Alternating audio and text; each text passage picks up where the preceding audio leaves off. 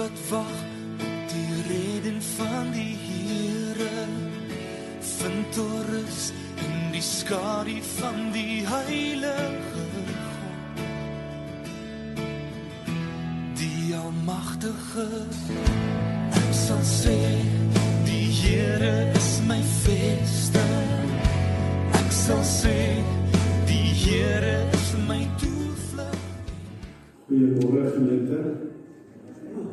Ek het nog nie môre gesê nie, maar baie welkom by ons erediens en dan uh, ons regtig ook ervaar dat die Here hier in ons midde is, deur sy gees en ons praat deur sy woord en uh, dis ook lekker die gemeenskap van gelowiges, net dat ons mekaar daarom so op 'n afstand dan nog steeds kan groet en sien en hoor hoe dit gaan. Maar baie welkom almal in die erediens, ook aan die paar besoekers ook.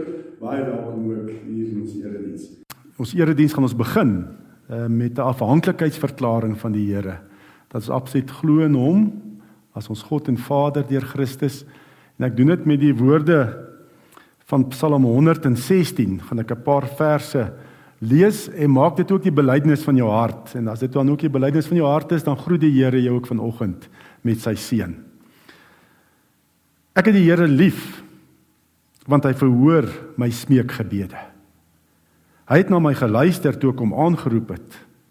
Bande van die dood het my omsluit, doodsangs het my aangegryp. Ek het benoud en bekommerd geword. Toe het ek die naam van die Here aangeroep. Here, red my tog. Die Here is genadig en regverdig. Ons God ontferm hom oor ons. Die Here beskerm die hulpeloses. Ek was magteloos, maar hy het my gered. En dan kom die Here ook vanoggend en hy groet jou ook met sy seën. Genade barmhartigheid en vrede word ryklik geskenk van God ons Vader en ons Here Jesus Christus deur die kragtige werking van die Heilige Gees. Amen. Kom ons staan en ons loof en prys die Here met die volgende liedere.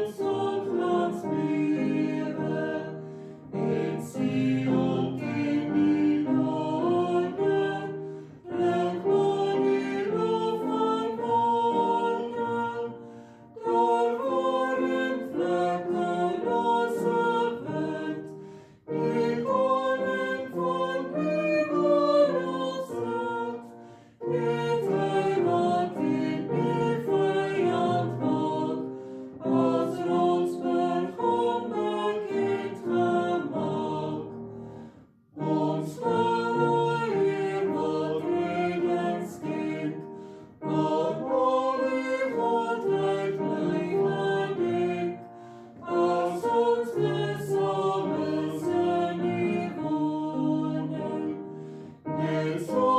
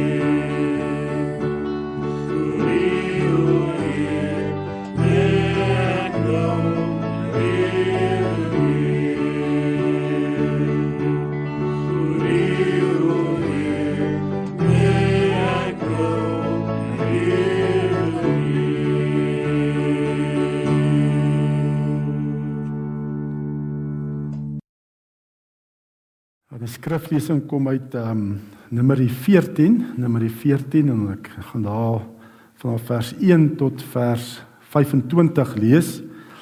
Ehm um, ek gee net so 'n bietjie die agtergrond. Dit is ehm um, die Here het nou vir vir Moses en die volk gelei tot op die kant van die beloofde land en dan sê hy in Numeri 13 vers 1 ehm um, sê die Here vir Moses stuur manne om Kanaan wat ek aan die Israeliete sal gee te verken. Ehm um, so dat daar's 12 spioene gestuur om die land te verken, nie om uit te vind of hulle die land kan inneem nie, maar om net uit te vind om 'n strategie te kry, nê? God sê die land wat ek vir hulle gaan gee. Nou kom hulle terug en hulle rapporteer en uh, hulle wys dit is 'n land van melk en honing het selfs 'n tros drywe gesny daar by 'n plek en dit twee manne moet dit dra en dit is 'n mooi land, dit is 'n goeie land. Maar daar's ook reuse, die Nakite, nee, dit is ook in hierdie land. En ehm um, daarom sê 10 spioene toe nee. Ons sal nie hierdie land kan inneem nie. Ons moet terug gaan Egipte toe. En net twee, dis Joshua en Caleb, het gesê die ons kan, want God is by ons. En dan lees ons vanaf vers uh, Numeri 14 vanaf vers 1. Daardie nag het die hele volksvergadering aanhoudend gekla. Al die Israeliete was in verset teen Moses en Aaron en die hele vergadering het vir hulle gesê: "As ons maar in Egipte of in hierdie woestyn gesterf het, waarom het die Here ons na hierdie land toe gebring net om doodgemaak te word? Ons vrouens en ons kinders sal kruisgevangenes word. Is dit nie vir ons beter om na Egipte toe terug te gaan nie?" Hulle het toe vir mekaar gesê: "Kom ons kies 'n leier en gaan terug Egipte toe." Moses en Aaron het voor die hele vergadering van Israeliete wat daar saam was op hulle knieë geval. Ook het Joshua seun van Nun en Caleb seun van Jefune, manne wat saam in die land verken het, hulle klere geskeur en vir die hele vergadering Israeliete gesê: Die land wat ons gaan verken het is 'n buitengewoon goeie land. As die Here ons goedgesind is, sal hy ons na hierdie land toe bring en dit aan ons gee, 'n land wat oorloop van melk en honing. Julle moet net nie teen die Here in opstand kom nie. Moet ook nie vir die mense van die land bang wees nie, want ons sal hulle maklik verslaan. Hulle gode sal nie kan beskerm nie. Die Here is by ons. Moenie vir hulle bang wees nie. Maar die hele vergadering het gedreig om vir Joshua en Caleb met klippe dood te gooi. Toe die magtige teenwoordigheid van die Here by die tent van ontmoeting vir al die Israeliete sigbaar geword. Die Here het vir Moses gesê: "Hoe lank sal hierdie volk my almag bly onderskat? Hoe lank sal hulle weier om op my te vertrou ten spyte van al die wonders wat ek onder hulle gedoen het?" Ek gaan hulle tref met die pes en hulle uitroei en dan sal ek jou 'n volk maak, groter en sterker as hulle. Maar Moses het vir Here gesê, die Egiptenaars sal dit hoor en vir die inwoners van hierdie land vertel.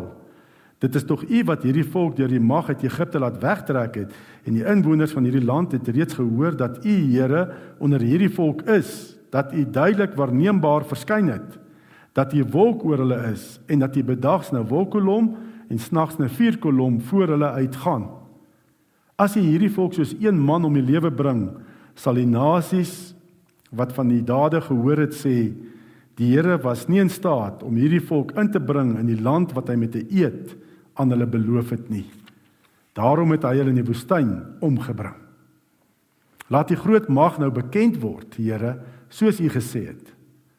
Ek die Here is lankmoedig en vol liefde. Ek vergewe ongeregtigheid en oortredinge, maar ek spreek niemand sonder meer vry nie. Ek reken kinders die sondes van vaders toe, selfs tot die derde en vierde geslag. Vergewe dan tog die sonde van hierdie volk in die groot liefde, soos U hulle van Egipte af tot hier toe vergewe het. Toe die Here geantwoord: Ek vergewe hulle soos U gevra het. Nogtans So seker as ek leef en die hele aarde vol sal word van my magtige teenwoordigheid. Nie een van die manne wat my mag en en die wonders wat ek in, Egipte en in die woestyn gedoen het gesien het en wat my oor en oor getart het en nie na my woorde geluister het nie, sal die land wat ek met 'n eed aan hulle voorvaders beloof het, sien nie. Nie een van hulle wat my geminag sal die land sien nie. Maar omdat my dienaar Caleb 'n ander gesindheid het en my getrou gevolg het, sal ek hom inbring in die land wat hy gaan verken het en sy nageslag sal dit besit. Die Amalekiete en die Kanaaniete woon in die laagte, draai môre om en trek weg na die woestyn toe met die Rietsee pad. Ja, ek lees van 'n dominee of 'n prediker wat eendag na die diens uh, deur 'n jong seentjie so half in 'n hoek gedryf is en vir hom uh, gekonfronteer is en die seentjie het 'n baie ernstige gesig en hy sê vir die dominee hoekom lag jy hoekom glimlag jy so baie en die dominee sê ek en hy voel toe half skuldig dat hy nou glimlag net soos die seentjie hom nou aanvat hier oor en so die dominee sê toe vir hom nee ek glimlag so baie omdat ek 'n gelukkige mens is En hy vra toe vir die seentjie wat wat so ernstig is. Hy sê vra toe vir hom, "Glimlag jy ook?" Seentjie dink toe so 'n bietjie. Hy sê, "Ja, ek glimlag eintlik net wanneer ek roomys eet." En en so is dit eintlik met baie gelowiges, nê. Nee.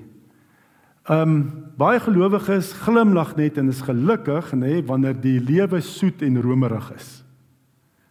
Maar as jy nie roomys het nie, nê, nee, dan is jy sommer net nors en vies en negatief.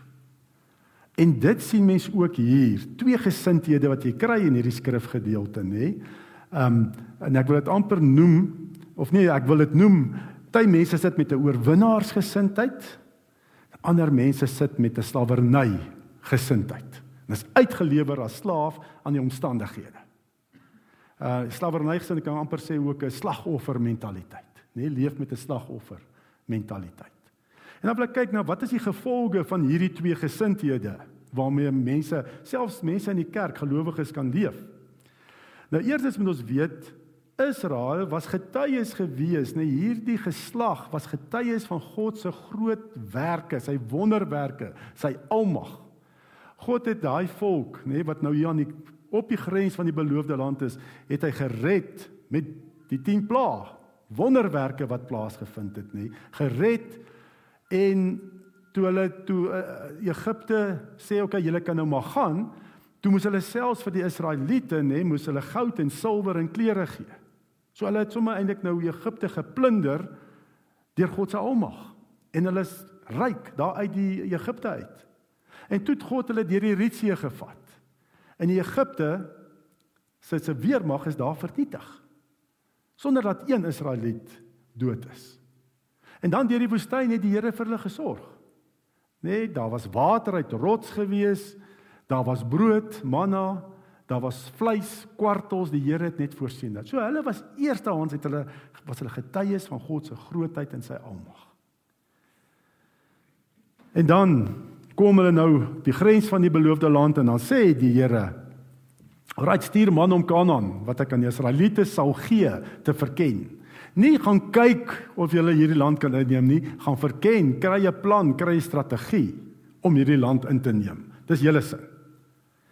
En dan kom hulle en hulle rapporteer terug En nadat hulle al daai die land gesien het, is 'n land van melk en honing, maar dan sê 10 van hierdie spioene: "Nee, ons kan nie teen daardie mense optrek nie, want hulle is sterker as ons."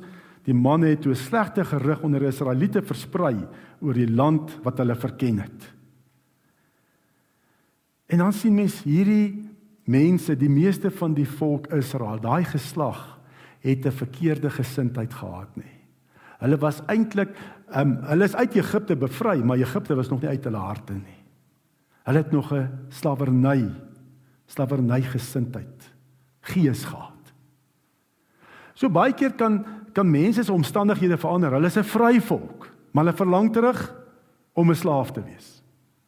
En dis hoe hierdie lewe werk, nê? Nee? Jou omstandighede kan goed gaan, nê, nee, maar jouself sit nog met 'n verkeerde gesindheid, 'n slawerny gesindheid um 'n slagoffer gesindheid. Sodat hulle later selfs gesê het, as ons man in Egipte of in hierdie woestyn gesterf het, waarom het die Here ons na hierdie land toe gebring? Net om doodgemaak te word. Ons vrouens en kinders sal kruis gevangenes word. Is dit nie vir ons beter om na Egipte toe terug te gaan nie? Hulle het toe vir mekaar gesê, kom ons kies 'n leier en gaan terug Egipte toe. Jy kan dit nie glo nie. Net dat hulle terug verlang om 'n slaaf in Egipte te wees. En dit veroorsaak toe dat hulle vir 40 jaar doelloos net in die woestyn moes rondswerf, nê? Nee, hulle daai geslag moes toe net uitsterf. Hulle lewe toe maar net gegaan om te oorleef, net kyk hoe lank ek kan leef, maar daar's nie sin nie, daar's nie doel nie, want hulle sit net met 'n verkeerde gesindheid. Vir 40 jare daai geslag doelloos rondgeswerf in die woestyn. Ek sê nie as jy sit met 'n slawerny gesindheid nie, 'n slagoffer gesindheid, jy gaan hel toe as jy sterf nie. Ek glo nie almal van hulle is hel toe van daai geslag wat gesterf het in woestyn. Glo nie almal is hel toe nie. Maar hulle het nie God se beloftes ontvang nie. Nie daai lewe van oorvloed ontvang nie. En dis my wat ook baie keer so wat my so ek so sien selfs in die kerk ook nê dat dat mense net eintlik doelloos gelowig is maar net gaan oor oorlewing. Is maar oorlewingsstryd net. Daar's nie regtig 'n rigting, 'n doel, 'n lewe van oorwinning, 'n lewe van oorvloed wat Jesus gesê het hy het gebring. Johannes 10 vers 10 wat sê, ehm um, ek het die lewe gebring en dit in oorvloed. Dat selfs gelowiges ook maar net rondswerf. Sonder rigting, sonder doel, sonder sin, sonder betekenis. En eh, dit is en dit is nie te sê ek sê nie jy gaan hel toe dit is nie dis as jy glo in Jesus gaan jy hemel toe as jy jou laaste asem uitblaas. Maar leef jy 'n sinvolle, 'n doelgerigte lewe? Dit is die vraag. As ons dink aan ook verder aan vandag. Ja, daar's baie gelowiges wat met hierdie slagoffer gesindheid leef.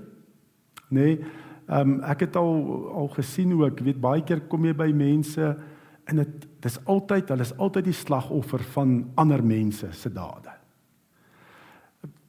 Dit is altyd die een werk na die volgende werk na die volgende net nooit tevrede nie want die baas is so sleg.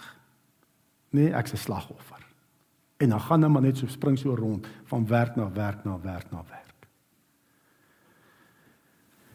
In die groot teken van 'n slagoffer mentaliteit of 'n slawerny gesindheid, nê, is altyd in moeilike tye mense wat leef met hierdie gesindheid, nê, hierdie slawerny gesindheid. In moeilike tye verlang hulle altyd terug na die bekende, na die ou bekende. Ag, die goeie ou dae. Dis altyd die goeie dae was so goed, vandag is so sleg. Die toekoms nog erger. Net die goeie ou dae. Verlang terug soos die Egiptenare na die vleispotte van Egipte. Ek's 'n slaaf, maar maar ek verlang terug want ek ken dit. Die goeie bekende.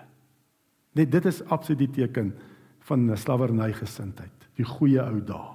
Leef in die verlede, die ou bekende.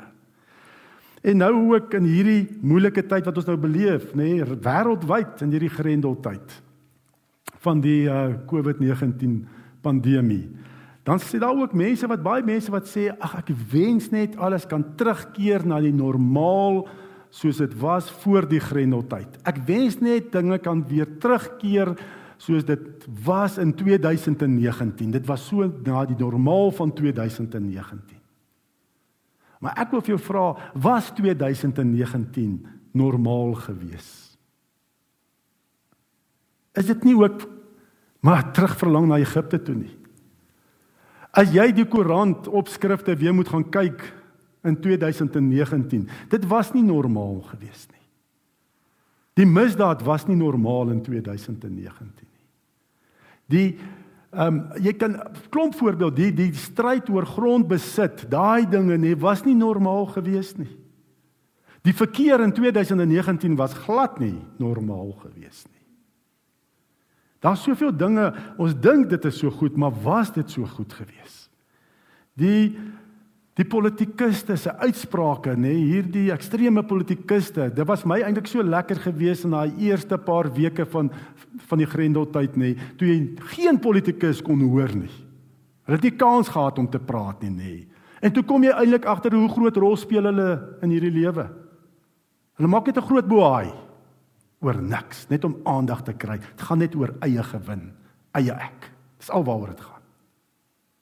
Dit was nie so normaal Die ou dae was nie so normaal nie. Ehm um, ons moet weet God is 'n God van nuwe dinge. Hy wek lewe uit dooie toestande. Hy bring lewe. Hy bring herlewing. Hy bring verandering. En daarom moet ons nou ook reg wees vir dit wat die Here wil doen. Die Here is dalk besig om 'n nuwe normaal vir jou en my te skep.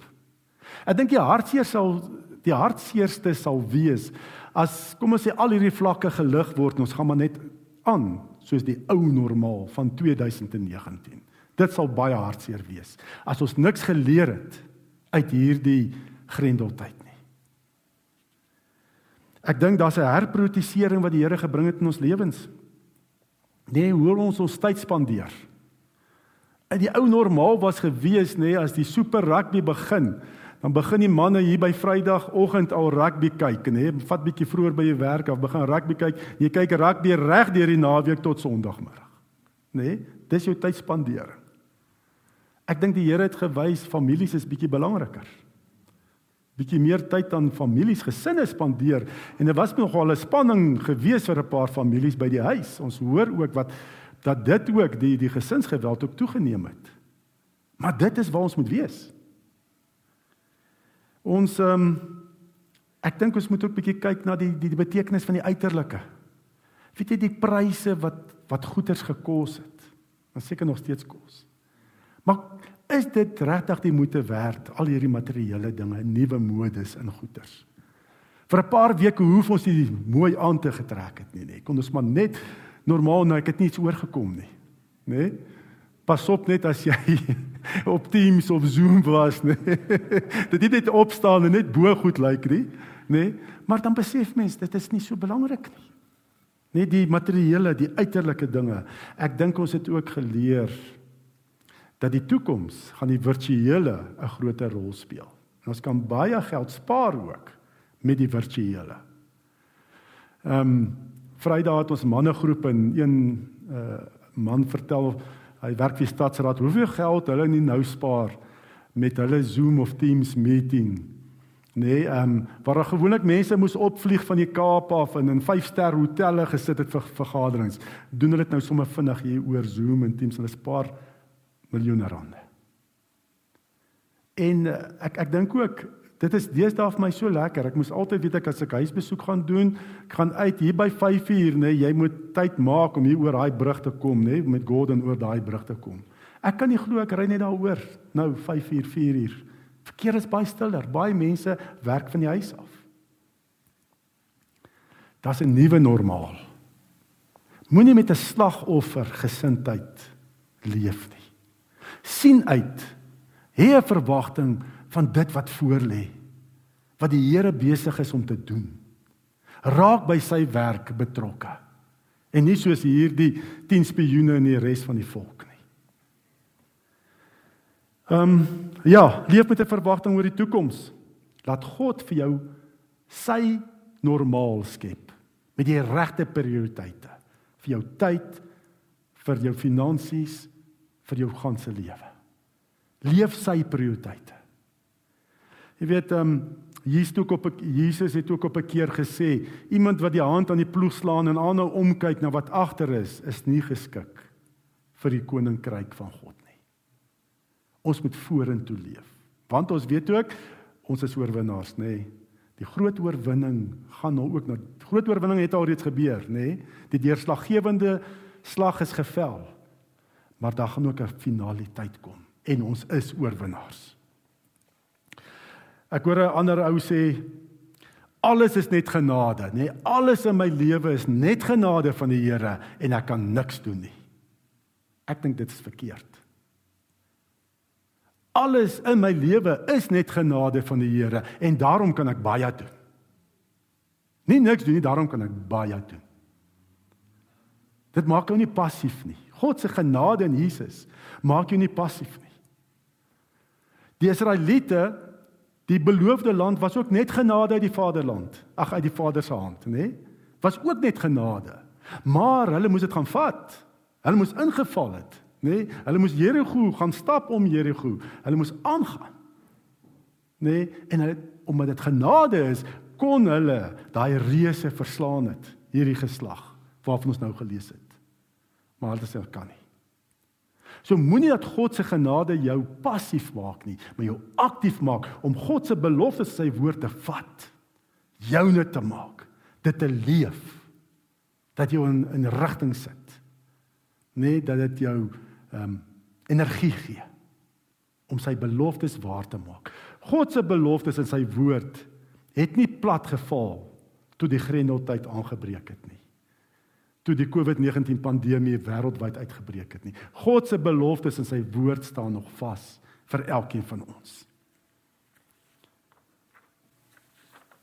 En dan en so kom ons dan ook by die tweede gesindheid, nê? Nee?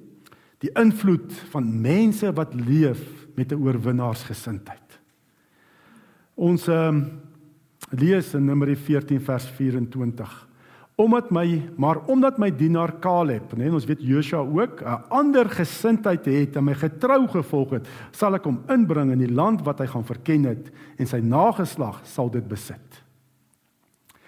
Hierdie woord gesindheid is die Hebreëse woord ruach en beteken letterlik gees, wind, asem of wind in beweging. En dit kan ook praat van gesindheid, nê, nee? wyse van denke. Die manier hoe mense dink. En hier is dit spesifiek daarvan van toepassing, net die manier hoe jy dink, wyse van denke. Nou Caleb en Joshua het 'n ander manier van dink gehad. Hulle het anders te gekyk na alles na die fisiese. Ehm um, hulle het hulle het en dan lees ons ook hulle het gesê of of Caleb het gesê Numeri 14 vers 8 en 9 as die Here ons goedgesind het is sal hy ons na hierdie land toe bring.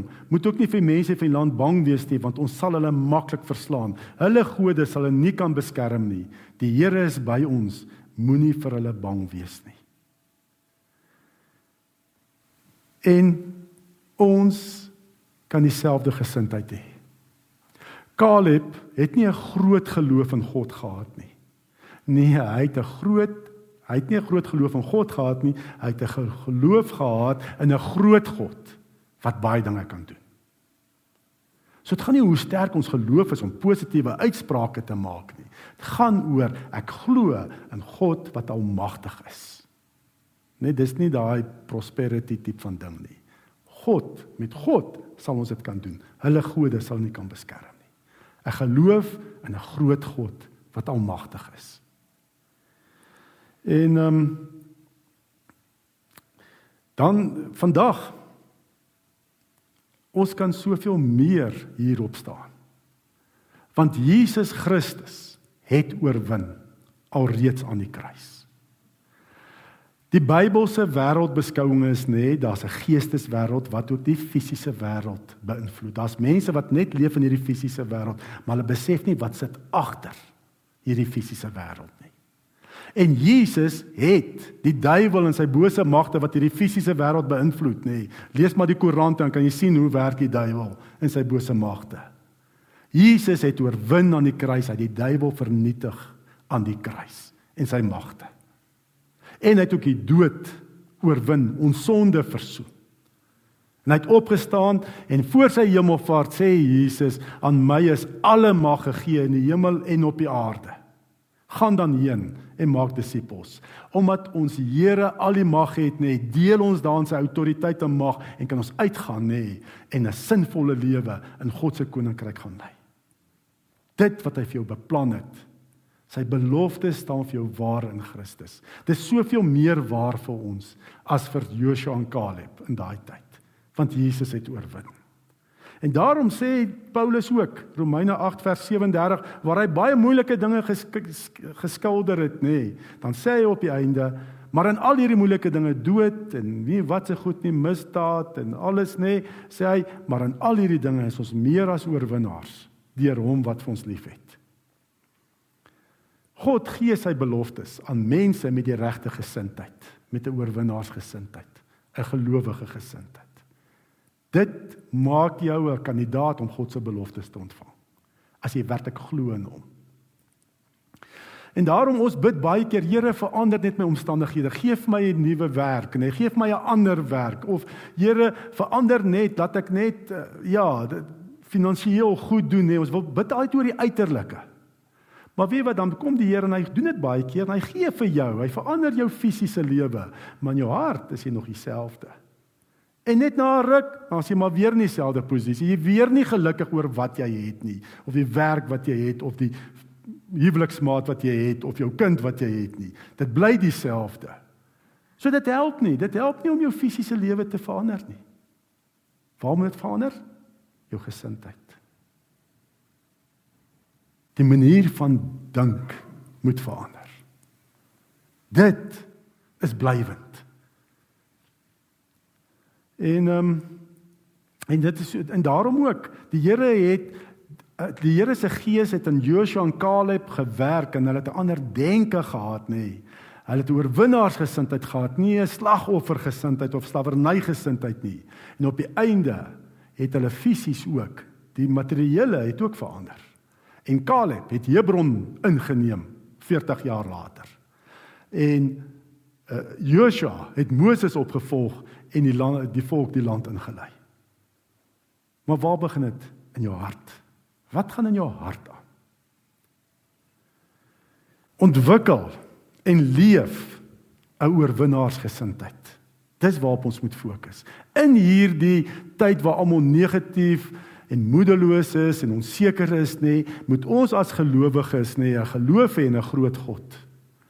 Ons moet 'n oorwinnaarsgesindheid ontwikkel en leef. En hoe doen ek dit? Kies vandag om gelukkig te wees. Kies om gelukkig te wees want sê met God is ek meer as 'n oorwinnaar. Kies dit. Geluk is 'n keuse wat jy moet maak. Ons Laat sommer net gewoonlik net ons ons emosies ons net lei. Ons emosies is baie op en af. Maak 'n keuse. Bedink die regte ding en dan sal dit ook in jou gesindheid, nê, nee, in jou hart, jou emosies ook regkom. Besluit om gelukkig te wees. Jy weet baie keer sê ek, "Ooh, ek sal eers gelukkig wees as daar vrede is in my gesin." Ek sal eers gelukkig wees as ek my graad behaal het. Ek sal eers gelukkig wees as ek die regte gewig het. Ek sal eers gelukkig wees as ek my doelwit bereik het. Wie hierdie lewe is nie 'n volmaakte lewe nie. Daar gaan altyd probleme wees. Daar gaan altyd dinge wees wat nie reg is nie en jy gaan nooit gelukkig wees nie. Gaan uitleef. Jou geluk is uit daar in die toekoms. Jy jaag dit en jaag dit. Jy gaan dit nooit kan inhaal nie. Nee, verander daai denke. Verander daai manier van dink en sê maar ek is vandag gelukkig. Hoekom? Ek het die ewige lewe. Ek behoort aan die Here. Ek is sy kind. Hy het my hier met 'n doel geplaas. Hy wil in en deur my werk. Hy wil die omstandighede verander deur my. Hy wil my gebruik. Ek is in 'n proses. Ja, alles nog nie reg in my lewe nie, maar hierdie lewe is 'n so hulle sê journey saam met die Here. Is 'n proses. God is besig om dinge in plek te sit. Sy doel sal nie gekeer word in jou lewe as jy dit najag. Maak hy keuse. Moenie leef vir die toekoms nie. Moenie en dan sê jy ook Baie keer wanneer dit dinge nie lekker gaan nie en dit gebeur nie soos wat jy dit wil hê nie, negatiewe goed gebeur, dan word jy kwaad en jy raas. Nee, en jy skree. Wie dit verander niks aan die omstandighede nie. Jy hoe harder jy raas en skree en kwaad is, nê, gaan nie daai omstandighede verander nie. Dit maak dit eintlik erger. Die mediese wetenskap sê vir ons, nê, wanneer jy so kwaad is en bitter en raas en skree en goeters nê, dis selfs sleg vir jou liggaam. Jou immuunstelsel is jy besig om jou af te breek en jy gaan nog fisies ook siek word. So dit help nie. Moenie jou tyd verder mors om so te fokus op dit wat verkeerd is nie. Nee, fokus op dit wat reg is in jou lewe. Dit wat die Here vir jou gegee het en waarmee hy besig is. Die proses waarmee hy besig is in jou lewe. Fokus daarop. God verander eers jou voordat jou omstandighede verander. Dis die manier hoe God werk. En hy's besig met 'n proses.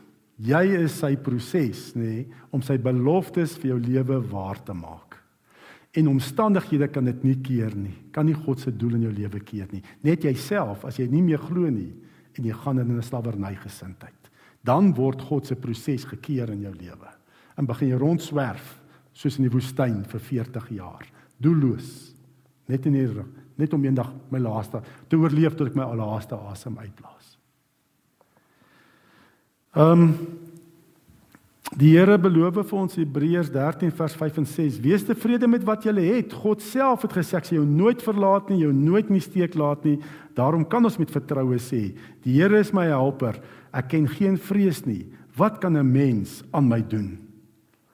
Jy weet moet ook nie die dinge wat die Here vir jou gegee het. Hy sê wesenlik vry van geldgierigheid, nê? Dis om altyd iets anders te wil hê wat ander mense het, nê? Dis eintlik waarmee daai vers begin, vers 5. Sê wees vry daarvan. En moenie net so van selfsprekend die dinge sien in jou lewe nie. God doen baie in jou lewe wat wat nie van selfsprekend is nie. Jy weet daar's baie mense wat graag jou gesondheid wil hê, jy wat hier sit wat graag jou gesondheid wil hê. Geld kan nie gesondheid koop nie. Daar's siektes. Dis nie van selfsprekend nie. God het jou beskerm dat jy gesond is. Daar's baie mense wat in die huis wil bly en die kar wil ry wat jy het. Baie mense wat dink, "Wow, as ek net daar kan bly, as ek net so 'n kar kan ry." Net dan lewe reg wees. So moenie dis nie van selfsprekend wat jy het nie. Jy gesin wat jy het. Die kinders wat jy het. Daar's baie mense wat kinders wil hê. sien jy wat die Here vir jou gee? Wat hy vir jou doen? Dat jy volgende hier kan wees dat so gesin hier by mekaar kan sit, die gesinne wat hier is. Besef jy die waarde daarvan wat die Here vir jou gegee het? Daar's baie om voor dankbaar te wees. Hou op om 'n boei te maak oor alles wat verkeerd is en wat sleg is volgens jou van jou kind of jou huweliksmaat se lewe. Begin fokus op die positiewe. Motiveer mekaar positief. Begin God dank vir wat reg is in jou lewe. Jy weet, ons lees dan ook in Joshua 5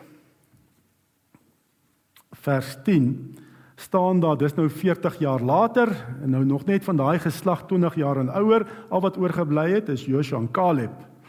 En dan staan daar in Joshua 5 vers 10. Dis nou die nuwe geslag wat nou die beloofde land gaan inneem onder die leiding van Joshua. Dan staan dit terwyl die Israeliete dit nou nog net oor die Jordaanrivier gegaan het, nog nie begin die stede aanval en so nie. Terwyl die Israeliete nog in Gilgal in die kamp was, het hulle die Paasfees daar in die Jerigo vlakte gevier op die 14de van die maand in die aand.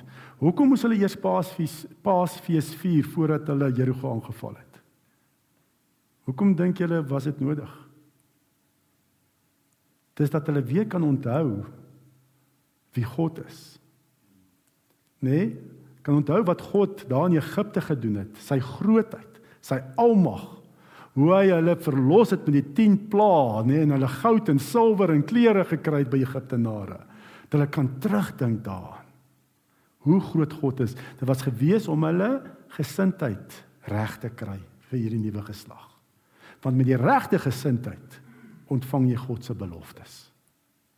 En ons moet ook ons gesindheid as jy God se beloftes wil ontvang, moet jou gesindheid, jou manier van dink reg wees. En ons weet ook in die Nuwe Testament die Paasfees is die nagmaal, nê. Nee, is vervang met nagmaal dat Jesus gesê het dit is volbring. Dit is volbring sy laaste asem uitgeblaas het en dat ons nou vrye toegang tot ons hemelse Vader het deur die voorhangsel in dit sy liggaam. En dat ons meer as 'n oorwinnaar is deur Jesus wat vir ons lief is. En dis wat die Here vir jou sê, kyk na die kruis. Kyk na wat ek gedoen het. En kyk maar in jou eie lewe ook. As jy terugkyk, het ek jou nooit in die steek gelaat nie. Altyd nog vir jou gesorg. Daar's groot dinge. Daar's baie getuienis wat ons hier kan lewer. Dink daaraan en verander jou gesindheid en kyk vorentoe na die nuwe normaal, God se normaal wat hy wil skep in jou lewe waar jy die beloofde land, God se beloftes net najag en dit jou eie maak deur die krag van die Gees. Amen. Ek gaan nou weer kans gee dat die Here ook met jou praat oor jou gesindheid in jou hart, nê? En ehm um, ek gaan vir Matt vra, Matt, daai daai eerste lied, nê, El Vader, nê?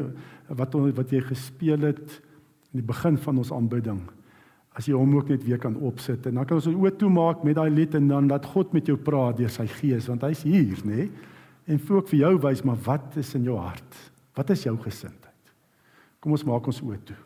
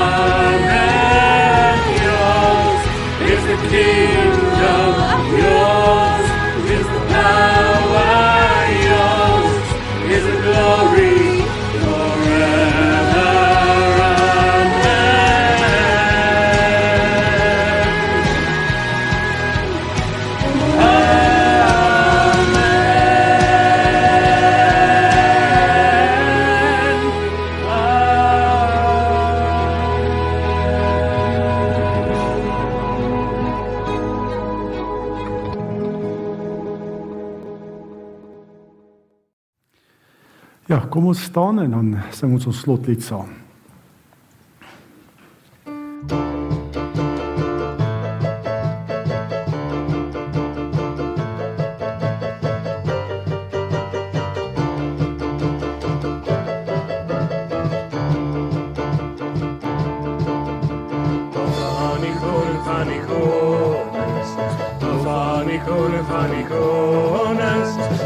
Jesus is naam,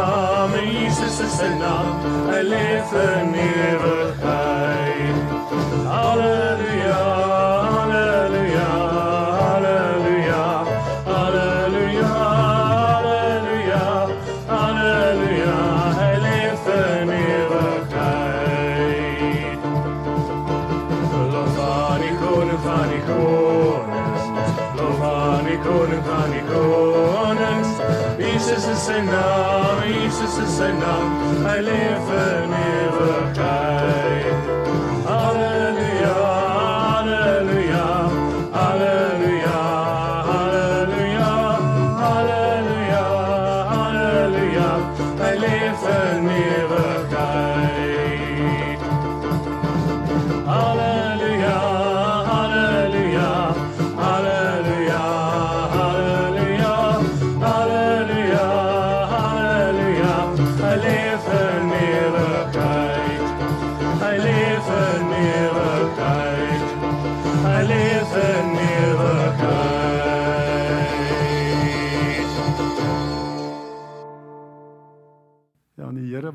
vanoggend seën dat jy met 'n oorwinnaarsgesindheid sal gaan leef hierdie week en so ook kerk sal wees. Ontvang die seën van die Here. Die genade van ons Here Jesus Christus en die liefde van God die Vader en die gemeenskap van die Heilige Gees sal by ons elkeen wees en bly. Amen. sal sê die Here is my vesting ek sal sê die Here is my toevlug en krag. My God